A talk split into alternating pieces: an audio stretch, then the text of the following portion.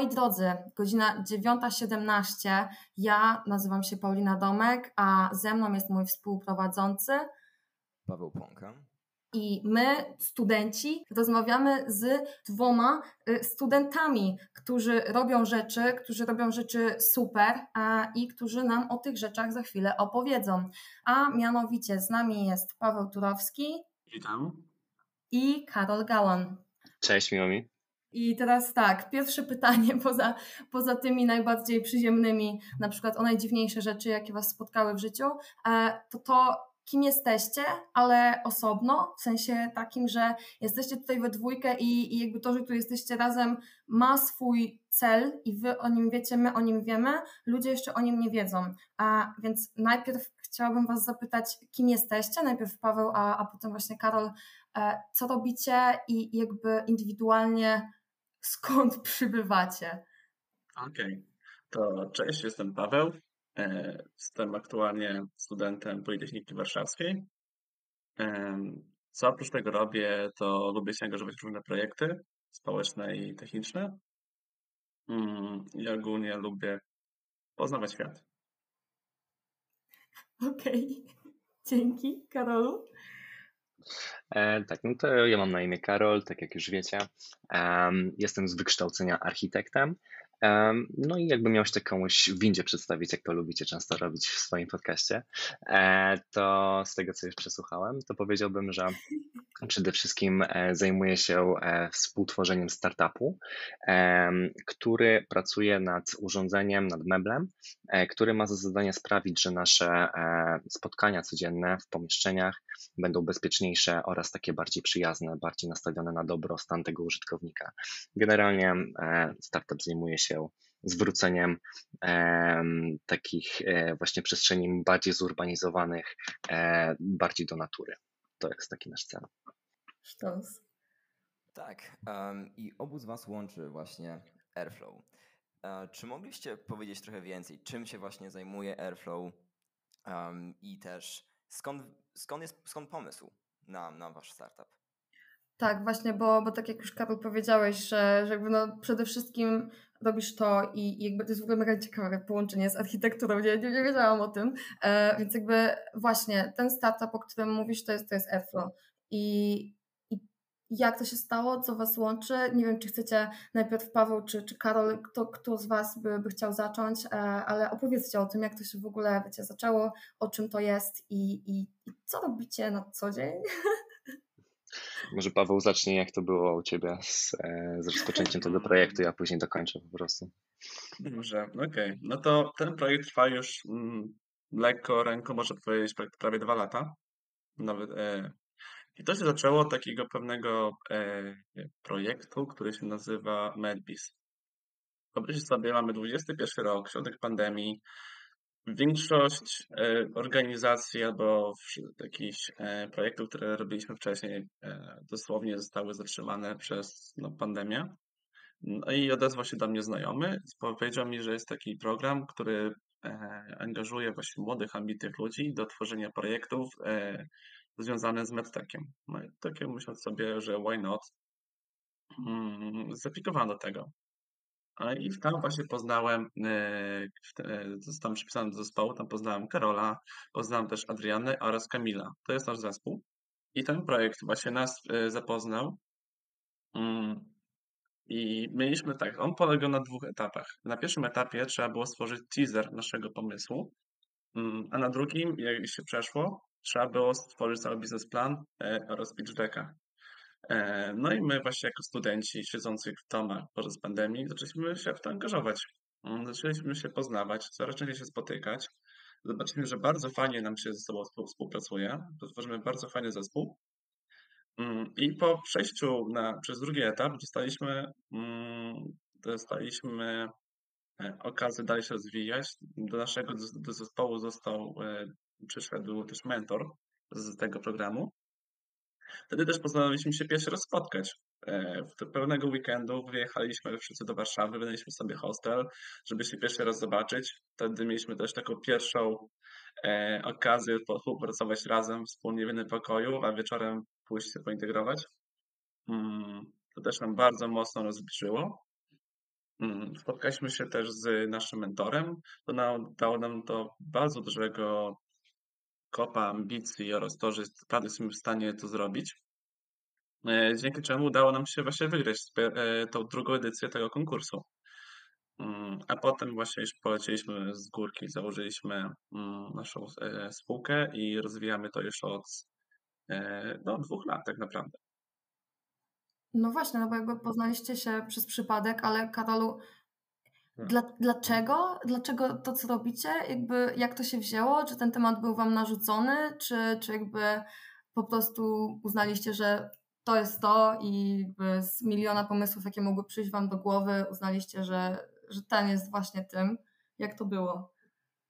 Właśnie to było dosyć ciekawe, bo my wtedy zaczęliśmy pracować w czwórkę tak naprawdę.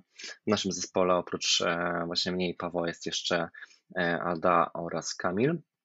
I każdy z nas miał swój pomysł e, mniej więcej na to, co możemy zrealizować, mimo że e, każdy przyszedł bez tego pomysłu. Zrobiliśmy po prostu tak, że zrobiliśmy pierwsze spotkanie, pogadaliśmy sobie, co możemy zrobić e, i każdy na kolejnym spotkaniu miał już coś przedstawić.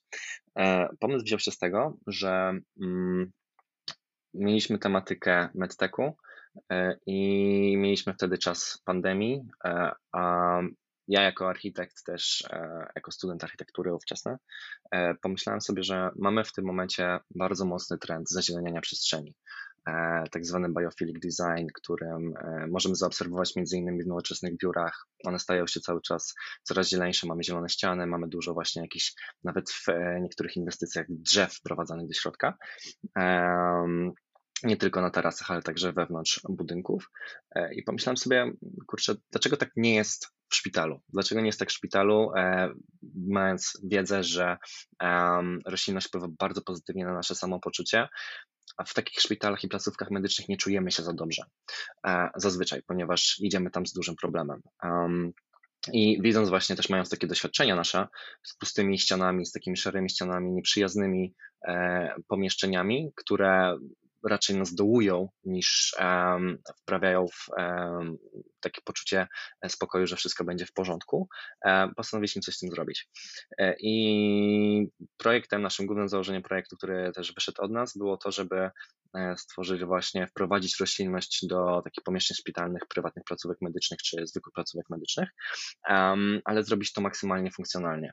I jako, że była też pandemia COVID-u e, oraz odkryliśmy, że roślinność ma także możliwości po części oczyszczenia powietrza, stwierdziliśmy, że możemy to wykorzystać e, i jednocześnie wprowadzając dobrostan psychiczny poprzez e, roślinność żywą, e, wprowadzić także oczyszczenie powietrza, które będzie filtrowało cały czas te drobne ustroje, które mieszają się, mieszają się w takich pomieszczeniach.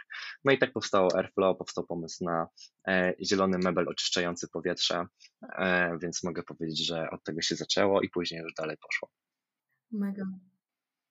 Jak zaczynaliście, to czy coś Was zdziwiło? Czy byliście przygotowani na wszystko? Jakie były um, dalsze, dalsze kroki?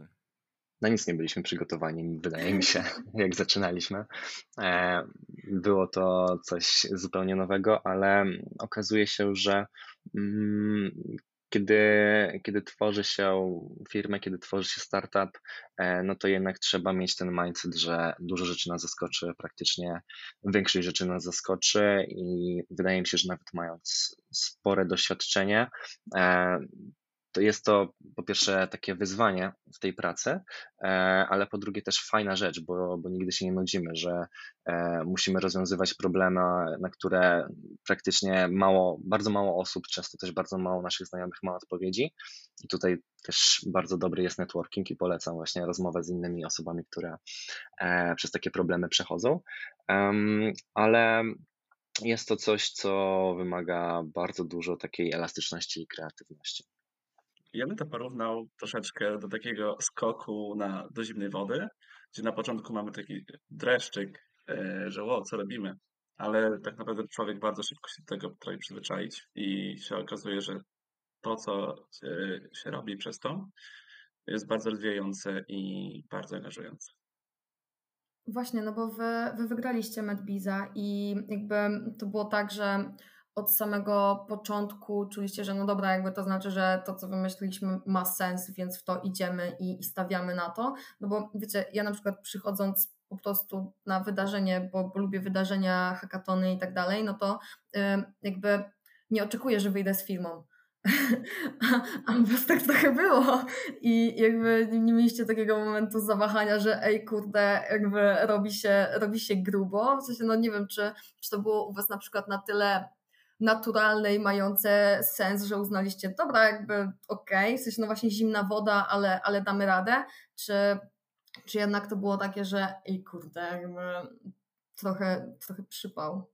Myślę, że mógł też te no właśnie to, to, to, że od razu poszliśmy w założenie spółki tym pierwszym projektem, który okazał się zwycięski, też dużo do tego przyczynił się nasz mentor z programu. On nas wspierał od początku i nas bardzo wierzył. Też ukierunkował w to, e, co chcemy, e, co chcemy robić. Troszeczkę nas też przycinał z tym. Mm, I może powiedzieć, że nas jako zespół szlifował na samym początku. I też moim zdaniem też właśnie dzięki e, pomocy pana Ireneusza. To, to sprawiło, że mieliśmy taki naprawdę bardzo duży mm, head start, jeżeli chodzi o nasz zespół. To prawda, ja się absolutnie z tym zgadzam, że mentor odegrał tutaj gigantyczną rolę. Mm, myślę, że też ważne było to, że to było dosyć rozłożone w czasie, w sensie mm, sam program trwał trzy miesiące, więc te mm, założenia i, i tak jakby ten progres narastał dosyć schodkowo, a, a spółkę założyliśmy po 6-7 miesiącach, więc też ta mm, decyzja cały czas nas rosła, dużo o tym rozmawialiśmy. Myślę, że tutaj e, super istotne jest właśnie, super istotne było zrozumienie naszych wszystkich e, potrzeb i tak jakby dlaczego chcemy to robić, czy na pewno chcemy to robić. Dużo o tym rozmawialiśmy, mentor nas właśnie też na to kierunkował. A prawda jest taka, że faktycznie wyszliśmy z działającym zarysem projektu, ale mm, też po drodze pivotowaliśmy i to nie jest tak, że e, ten projekt się zupełnie, zupełnie nie zmienił, wręcz przeciwnie. Mm, dużo, dużo założeń e, uległo, uległo dużej, mm, myślę, poprawie, no ale to jest, e, to tylko pokazuje właśnie progres w takim projekcie, ale też kilka założeń zostało, taki, taki core myślę, myślę pozostał, bo on się po prostu sprawdził, póki co się sprawdza, więc nie jest to takie zero-jedynkowe. Właśnie, macie super ideę, macie super pomysł, ale jak dokładnie technologicznie ma on działać? Czy moglibyście w jak najprostszych słowach wyjaśnić e, dla osób nietechnicznych, aby one również zrozumiały, no, jak działa, jak działa wasz, wasze, wasze ściany, tak, e. wasz, wasz, wasz projekt? Oczywiście. E, my łączymy tak naprawdę dwa rozwiązania. Moc natury oraz moc technologii. Tworzymy, łączymy to i w, pewną, w pewnego rodzaju synergię, i to działa w ten sposób. Mając naszą ścianę, powietrze jest zasycane do jej środka, które na początku przechodzi przez e, rośliny i systemy korzeniowe. E, same rośliny już wstępnie oczyszczają powietrze oraz je, nawilża, mm, przeważnie z losnych związków organicznych. E, później wewnątrz ściany to przechodzi przez specjalny filtr fotokatalityczny. On działa w ten sposób, że pod wpływem światła UV powstają takie mini cząstki, które ogólnie potrafią likwidować zagrożenia mikrobiologiczne, takie jak wirusy, bakterie, zarodniki grzybów. Dzięki czemu po przejściu przez taki podwójny filtr e, do pokoju wraca czyste powietrze, które jest już dodatkowo i nawilżone i ma efekt, można powiedzieć, przebywania w lasu, w lesie. Tak, dlaczego to jest w ogóle potrzebne, to mm, też możemy sobie wyobrazić taką sytuację, że e, jesteśmy albo gdzieś w pracy, w jakimś biurze, albo właśnie w zaciszu naszego domu. Może to być e, gdzieś w środku miasta, może być to gdzieś na obrzeżach miasta. E, no i mam taką sytuację, że ktoś z osób, które też przebywają w tym pomieszczeniu, nasz domownik czy pracownik, e, współpracownik, Mm, na przykład zachorował, tak? I widzimy, że kaszla, że rozsiewa drobnoustroje, więc to, co naturalnie możemy zrobić w takiej sytuacji, to otworzyć okno. E, ale otwieramy to okno, a za oknem smog, bo jesteśmy w Polsce, czy jesteśmy właśnie w jakimś mocno zurbanizowanym miejscu i to cały czas powietrze, którym oddychamy, niestety jest dla nas trujące. Często jest to coś, co sprawia, że e, tracimy na zdrowiu, tracimy na koncentracji, tracimy na ogólnym dobrostanie. I to, co nasze urządzenie robi, to właśnie targetuje problem powietrza, którym oddychamy, sprawiając, że jest ono e, czystsze i wpływa bezpośrednio na nasze zdrowie, na redukowanie ilości infekcji, zredukowanie ilości L4 przykładowo dla, e, dla biznesów e, i ogólny taki dobrostan psychiczny, ponieważ przebywamy więcej w towarzystwie natury, w obecności roślinności. Dokładnie tak to się, to się totalnie klei. W sensie takim, że wiecie, jakby chodzi mi o to, że no ja bym na przykład na waszym miejscu czuła mega dumę, jak tak opowiadacie o tym po dwóch latach i to się klei też biznesowo, co nie? No bo jakby no jest, jest dużo rozwiązań, jest, jest dużo jakichś takich, no nie wiem, innowacyjnych pomysłów, które mają zmieniać świat i jakby nie mówię tego z przekąsem, tylko że tego jest naprawdę bardzo dużo, bo jest też bardzo dużo ludzi i będzie ich coraz więcej i, i jakby moment, w którym przez dwa lata projekt, który w sumie, wiecie, no wyszedł po, bo wyszedł w pewnym momencie na świat e, i, i jakby i on się klei i ja na przykład z perspektywy, nie wiem, osoby, która potencjalnie miałaby to sobie uzasadnić, dlaczego to kupuje, e, to to ma mega sens, zwłaszcza, że jakby zaczynaliście w pandemii, e, więc to tym bardziej, w sensie jakby ja teraz jestem mega w szoku, no bo z jednej strony no, to jest na waszych mediach, ale jak tak teraz mi się to wszystko klei, i, i łączę to z tą pandemią, z tym, z tym wszystkim, co, co musieliście przemyśleć i połączyć ze sobą, żeby to jakby faktycznie działało i odpowiadało na jakiekolwiek potrzeby, a to odpowiada na bardzo konkretne potrzeby, nawet na wiele potrzeb, e, no bo to jest i jakby mniejsza ilość L4 i mniejsza ilość jakby e, zanieczyszczeń i, i chorób, w sensie na przykład no nawet w przedszkolach y, stawiasz taką ściankę i jakby nie ma czegoś takiego, że e, jednego dnia e, kicha dziecko X, a na trzy dni potem kicha w telewizji, nie? Na przykład, jak to Belotki zamówił. Więc, więc jakby no to jest, no, no, nie wiem, ja jestem teraz w szoku, nie wiem Paweł, co ty chcesz teraz dodać, ale, ale jakby, no, jakby to mega, mega, mega satysfakcjonujące to musi być, tak was podsumuję. Tak, to, to Najważniejsze. Trzech się odezwało. Proszę, proszę. Który Paweł, co? Proszę Który Paweł, no. Um, ja chciałem jedynie zapytać, czy, się, czy ponieważ braliście udział w, w konkursie MedBees i też cały projekt jest bardzo skupiony właśnie na, na pobieraniu tych, tych zanieczyszczeń, tych, tych wirusów, czy wy się czujecie startupem z zakresu medtechu, czy jednak z jakiegoś, czy z czegoś innego? Powiem tak, nie czujemy się z presją medtechu konkretnie, bo um, my gdzieś tam zahaczamy o ten medtech, um, ale też urządzenie, na którym pracujemy, nie jest urządzeniem medycznym docelowo, e, więc e, i, i, nie jest to nasz, e, tak jakby nasza główna rzecz, na której się skupiamy.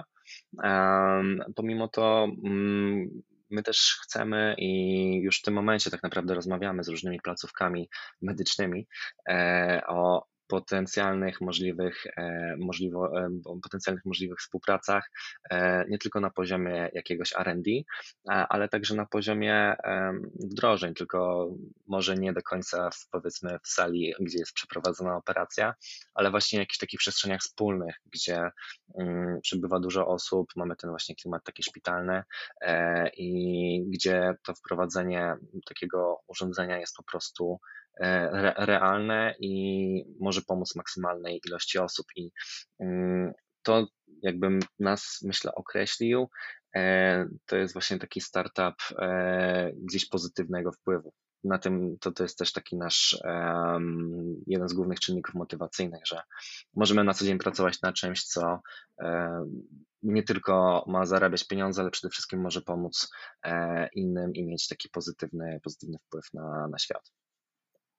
Mega. A jakbyście mieli określić, gdzie teraz jesteście jako, jako Airflow po tych dwóch latach, w sensie takim, że e, jakby też to trochę połączę, to są będą dwa pytania, e, że jakby z jednej strony, gdzie jesteście i, i jakby jakbyście mieli tak się zmapować, e, to, to co to jest za moment? I też druga kwestia, czy jakby to gdzie teraz jesteście, jest dla Was, czy to osobiście, czy jako dla, dla Airflow, dla Airflow to się mogę domyślać, ale też dla Was osobiście jest już sukcesem, czy dopiero sukcesem będzie, czy to jest takie, że, że apetyt rośnie w miarę jedzenia, więc z jednej strony jest sukcesem, a, a z drugiej strony do czegoś jeszcze dąży większego? Jakbyście na to odpowiedzieli? Właśnie gdzie jesteście i, i jakby w którym momencie myślicie, że będziecie czuli że, że jakby robota została zrobiona.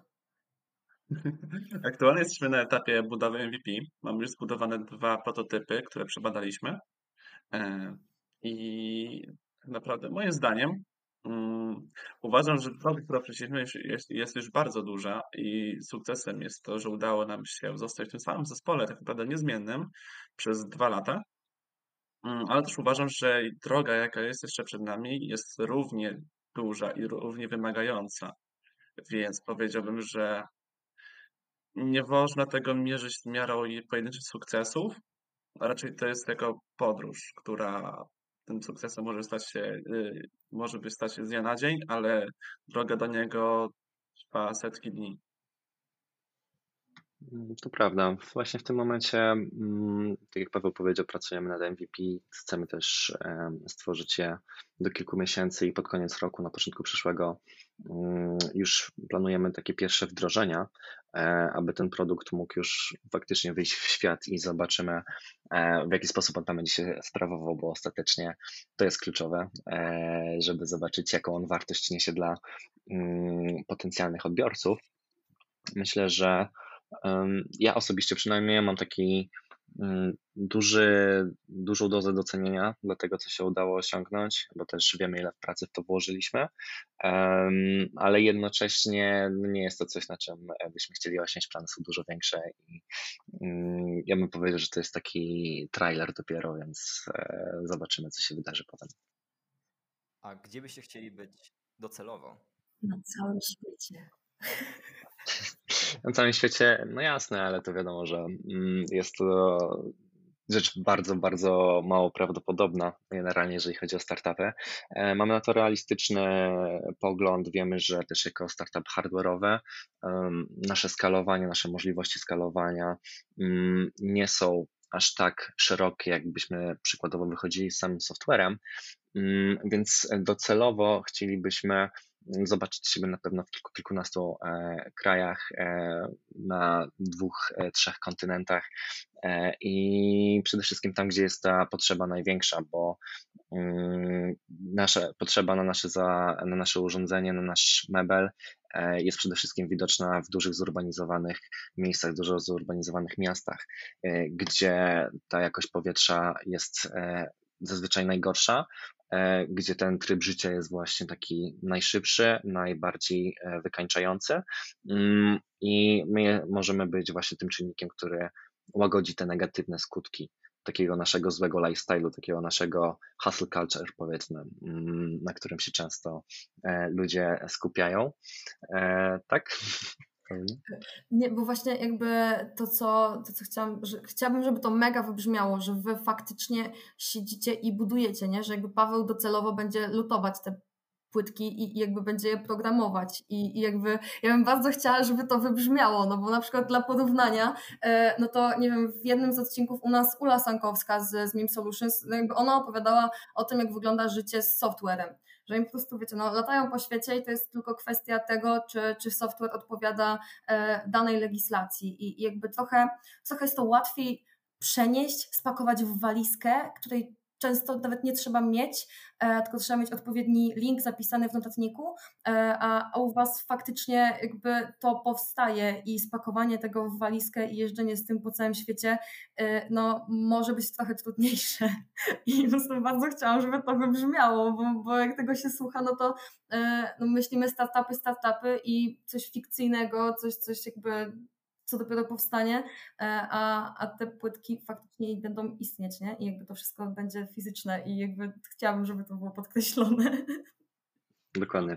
Dokładnie. Latanie po świecie z szafą to nie jest najwygodniejszy. tak. Tak, no produkt, produkt powstaje. Myślę, że też to jest taki element, przy którym mamy e, najwięcej pracy, ale jednocześnie takiej najbardziej satysfakcjonującej pracy, bo e, jest ten taki syndrom drwala e, w nas, że Dokładnie chcemy tak. zobaczyć jakiś taki owoc, owoc fizycznej pracy, prawda? I, i to jest na pewno e, coś e, bardzo przyjemnego. E, ale nie ukrywam też, że mm, jest to w pewien sposób, um, jesteśmy świadomi, że jest to też dużo większe wyzwanie niż tak jak powiedziałeś w przypadku software'u, żeby, żeby to pokazać światu na szerszą skalę. To była świadoma decyzja, ale to zgadza się. Mm, Bardzo dużo satysfakcji przydaje, przynajmniej też mi, moim zdaniem, Karol też się może odnieść, że jak tworzymy mm, nasz produkt, to on powstaje e, jako coś fizycznego, że jesteśmy w stanie namacalnie go zobaczyć, dotknąć e, i mamy no, realny wpływ na nasz świat i to, że ta nasza mała wartość dodana e, go trochę kształtuje. To ja mam jeszcze takie autorefleksyjne bardziej pytanie. Jakie błędy popełniliście przez ostatnie 2-3 lata, z których, z, których wyczerp- z których wynieśliście jakieś lekcje i również ogólnie, jakie lekcje wynieśliście z prowadzenia z tego startupu w jednak pewnego rodzaju faktycznie niszy? Moim zdaniem, no właśnie przez to, że e, to było coś nowego, jak zaczynaliśmy, e, e, jak zaczynaliśmy ten projekt, to ten cała podróż to jest tak naprawdę jedna wielka lekcja.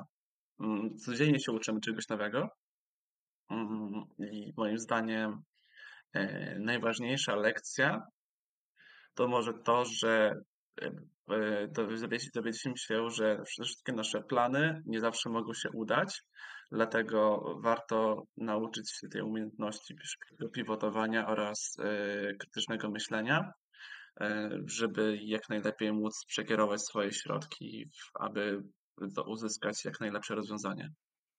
Myślę, że właśnie przede wszystkim plany są często bardzo szybko też weryfikowane. Ja uważam generalnie, że ten plan zawsze jest potrzebny i zawsze nam pomagał, bo zawsze go mieliśmy e, i wyznaczał jakąś trasę, ale on zawsze też był bardzo elastyczny, bo szybko nauczyliśmy się, że to, to co sobie tam założyliśmy, pod wpływem opinii pierwszej, drugiej, trzeciej strony, często się bardzo szybko o 180 stopni od nas odwracało. I musieliśmy się dostosować, być tak, bym powiedział, zwinnym zespołem. Myślę, że też dużą lekcją, którą wyciągnęliśmy mm, z takich naszych błędów, to jest to, że czasami warto działać szybciej e, i oraz to, że warto, mm, jeżeli widzimy jakiś zalążek problemu, jeżeli widzimy jakąś taką e, małą rzecz, która może w przyszłości wyskoczyć, to żeby nie odkładać tego na później, nie ignorować tego, tylko się po prostu od razu zderzyć z tym problemem, zderzyć się z tym doświadczeniem, bo mm, prędzej czy później niewygodne rzeczy do nas wrócą, a jako ludzie mamy tendencję jednak do powiedzmy takiego troszeczkę zamknięcia oczu, udawania, że tego problemu nie ma, a ten problem jest i nie zniknie. E, I no taką największą lekcję bym powiedział to, to żeby rozwiązywać problemy od razu, jakie tylko zauważymy, bo Mm, bo nie da się ich zatuszować po prostu. Prędzej czy później zawsze wyjdą. Tak, no właśnie, to jest pewnie też e, tym, tym bardziej łatwe, jeśli chodzi o zamiecenie czegoś pod dywan, kiedy dzielisz życie startupu i, i siebie w startupie na jeszcze kilka innych żyć, czyli studia, e, inną pracę e, i, jakby wszystko, wszystko inne, co jeszcze no, musi być zrobione e, i tym bardziej właśnie to wydaje mi się, że trochę łatwiej jest spychać te problemy na bok, co jest i jeszcze większym moim zdaniem właśnie zagrożeniem dla, dla startupów. No i chciałabym Was zapytać, e, jak Wy sobie radzicie z tym takim wyłapaniem balansu pomiędzy pracą, życiem osobistym, e, no i też startupem, no bo domyślam się, że to jest jeszcze ten etap, gdzie e, praca taka no, zarobkowa na, na życie i startup są obok siebie, a nie są jeszcze aż tak bardzo tym samym. E, I jakby jak Wy to robicie? Jak wygląda też ten taki typowy dzień w Airflow? i jakby jakieś może biuro czy coś takiego. nie ma typowego dnia Airflow. Nie ma E, typowego nie ma dnia, to prawda. Jakby mm, to, co się myślę, tak mi osobiście przynajmniej wybija, to, że e, trzeba mieć na pewno bardzo dużą organizację e, i Mhm. często naginać czasoprzestrzeń z pewnymi rzeczami, bo tutaj spotkanie Airflow, tutaj jakieś inne spotkania, na przykład na studiach zawsze miałem, e, jakieś tam trzecie spotkanie w jeszcze tam innym projekcie e, i, i trzeba było mm, naprawdę włożyć to dużo, dużo serca. E, ale jednocześnie wydaje mi się, że u mnie mm, to działa, ponieważ osoby, które na przykład uprawiały sport, e, myślę, że mają bardzo dobrą często tą właśnie organizację, ponieważ w sensie od, od młodego wieku ja tam trenowałem po, ponad 9-10 lat e, i praktycznie tych weekendów nigdy nie miałem. e, Popołudnia też zawsze były spędzone na treningi i w sumie mm, pewien sposób jestem do tego przyzwyczajony, więc że, że te dwie rzeczy zawsze naraz, naraz w życiu były i że trzeba było sobie to mm, poukładać tak, żeby mm, zawsze dać radę, e, czasami spać troszeczkę mniej, choć w tym momencie, szczerze mówiąc, e, raczej stara, idę w tym kierunku, żeby e, bardziej doceniać ten sen, bo on jest jednak super istotny e, i nie ma co go nadwrężać prze, przesadnie. E, Ale tak, są sytuacje, gdzie faktycznie e, tą nockę trzeba, trzeba było zarwać, e, ale prawda jest taka, że jeżeli widzi się cel w tym, co się robi, jeżeli widzi się mm, nawet nie tą nagrodę na końcu, ale to, ta- ma się to taką satysfakcję, to ten taki drive trzyma, trzyma cię samego przy życiu. My z Pawłem mieliśmy e, tak. już kilka takich sytuacji, że faktycznie gdzieś jechaliśmy, budowaliśmy coś, siedzieliśmy po nocach i, i, i to było, ja to, to są momenty, które wspominam najciężej, ale też najfajniej ze wszystkich moich takich experience'ów podczas budowania startupu. Mam wspomnienia, że ja wracałem z Krakowa, budując pierwszy prototyp, budując pierwszy prototyp, wracałem do Warszawy o 6 rano, a na 8 miałem zajęcia, 8 godziny na uczelni i jakoś się dawało wtedy. Właśnie jak Karol powiedział, ten drive z poczucia, że tworzymy projekt, że mamy tą wizję i wiarę w to, daje bardzo dużo motywacji do tworzenia tego. I to też się zgadzam z Karolem, że tak naprawdę zajęcia pozaszkolne, które, które też bardzo nas nauczyły tej organizacji. E, organizacja czasu w tym wszystkim jest najważniejsza. I zdarzają się momenty e, troszeczkę większego luzu, gdzie ma się może właśnie troszeczkę mniej do pracy, ale też jak e, przychodzi już mm, konkretna rzecz do zrobienia, to często to są dni, jak nie tygodnie zarywania nocek. Tak, właśnie to, co chciałam powiedzieć, to, że jestem ciekawa, jakby tak zrobić, wiecie, sondę po, po startupach i, i biznesie, kto trenował w dzieciństwie i, i przeżył to jedzenie obiadu, jadąc w aucie pomiędzy szkołą a, a treningiem, a potem jeszcze odrabiał lekcje o 20 e, w kuchni, e, jedząc kolację. E, to, to jakby jestem ciekawa, jakby tak zapytać szczerze, ile osób trenowało tak przynajmniej 2-3 lata coś, e, to, to jakby to wyglądało, bo myślę, że to by mogły być bardzo ciekawe dane. Trzeba zrobić takie badanie. Jak najbardziej. Myślę, że, Ej, w sumie to jest dobry pomysł. To jest dobry pomysł na magisterkę. Zapisz sobie w zapiszę sobie. To jeszcze już e, prawie ostatnie pytanie pewnie. Jaka byłaby jedna rada, którą mielibyście dla studentów rozważających stworzenie własnego startupu, którzy byli na waszym miejscu jeszcze dwa lata temu albo trzy lata temu? Którzy są teraz na waszym miejscu, na którym wy byliście dwa, trzy lata temu. I po jednej Hmm. radzie od każdego. Moja rada jest taka, że tak naprawdę nieważne jaki projekt robicie, ważne z kim. I też najważniejsze jest to, że nie dać, ciężko przynajmniej e, jest e, unieść taki, taki startup e, samemu. Z odpowiednim zespołem, zespołem, który się wspiera, który jest na dobre i na złe. Można zrobić tak naprawdę bardzo dużo, jak nie wszystko tak naprawdę. I właśnie jeżeli bym miał dać taką radę, to najlepiej po prostu poznać ekipę, poznać ludzi, z którymi wie, by się wiedziało, że można coś takiego zrobić. Ja się zgadzam na pewno, że ludzie są tutaj kluczowym czynnikiem. a Wydaje mi się, że też taką jedną rzeczą, którą bym mógł powiedzieć i którą obserwuję, bo też miałem ostatnio przyjemność e, jakiegoś tam pomagania e, startupom, właśnie młodym startupom, studentom e, w konkursie MedBiz Innovations i to, co mm, się rzuciło w oczy, ja byłem konsultantem i te zespoły, które coś ze mną właśnie skonsultowały, coś właśnie mm, się zapytały spośród wielu innych, zazwyczaj przechodziły dalej. Nie mówię tutaj pod kątem takim, że e, one skonsultowały to tylko ze mną, bo było tam jeszcze 6-7 osób, które, które były ekspertami, świetnymi osobami, bardzo doświadczonymi, ale mówię to pod kątem tego, aby rozmawiać z innymi, e, z osobami, które mogą mieć podobne doświadczenia i nie bać się mówić o tym swoim pomyśle, bo często osoby na samym początku drogi mają taki, taki mindset, że muszą za wszelką cenę chronić tego pomysłu, muszą za wszelką cenę nikomu o tym nie powiedzieć, ale prawda jest taka, że znaczy w 99,9% przypadków nikt nie będzie miał zamiaru robić e, tego Twojego pomysłu.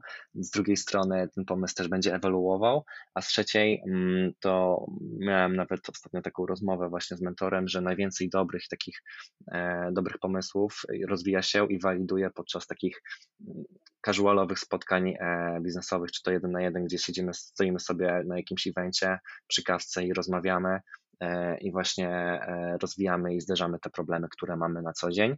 Mm, I z tego po prostu z takiego empirycznego doświadczenia wychodzi później najwięcej. Więc moja rada by była taka, żeby gadać, gadać, gadać z ekspertami nam też eksperci dużo bardzo, dużo pomogli, a są często bardzo skorzy, żeby um, takie młode osoby wspierać i żeby nie bać się wyjść do ludzi z tym, co chcecie robić, bo, mm, bo, to, bo to jest największa wartość właśnie w tym e, też, co, co oni mogą Wam przekazać i, i żeby być takim otwartym na ten feedback. Mega, czyli ludzie i gadanie. Tak, gadać, gadać, gadać. Gadać, gadać, gadać. No dobra, to bardzo szybko, bardzo szybko, jednym zdaniem. E, no bo jakby taka synteza może być też interesująca w tym momencie jakby, jakbyście mieli spojrzeć na siebie teraz i trzy lata temu, jaka jest taka kluczowa rzecz, jakiej się nauczyliście wy indywidualnie? E, nie, nie, mówię, że jakby stricte w Airflow, że wiecie, jakby praca w zespole i tak dalej, bo to też, to może być ta rzecz, ale jakbyście mieli powiedzieć tak, jedna rzecz po tych trzech latach, którą widzicie, że, że było ciężko, ale faktycznie jest inaczej i jakby uważacie, że to jest właśnie to, czego się nauczyliście przez te trzy lata. Proponuję Paweł Karol. Albo Karol Paweł. Karol. Ja uważam, że jakbym sobie zobaczył na siebie trzy lata temu, to mm, przed rozpoczęciem startupu miałem bardzo jasną, ale też bardzo wąską wizję siebie mm, jako, jako osoby, jako właśnie takiej mojej kariery zawodowej. Mm, a samo wejście w to środowisko, to co się nauczyłem, pokazuje mi, że można robić naprawdę bardzo dużo różnych rzeczy w ciągu swojego życia. E, wielu rzeczy można się też e, stosunkowo szybko nauczyć mm, i że te perspektywy są dużo szersze niż nam się często wydaje, tylko po prostu trzeba wyjść z jakiegoś takiego swojego,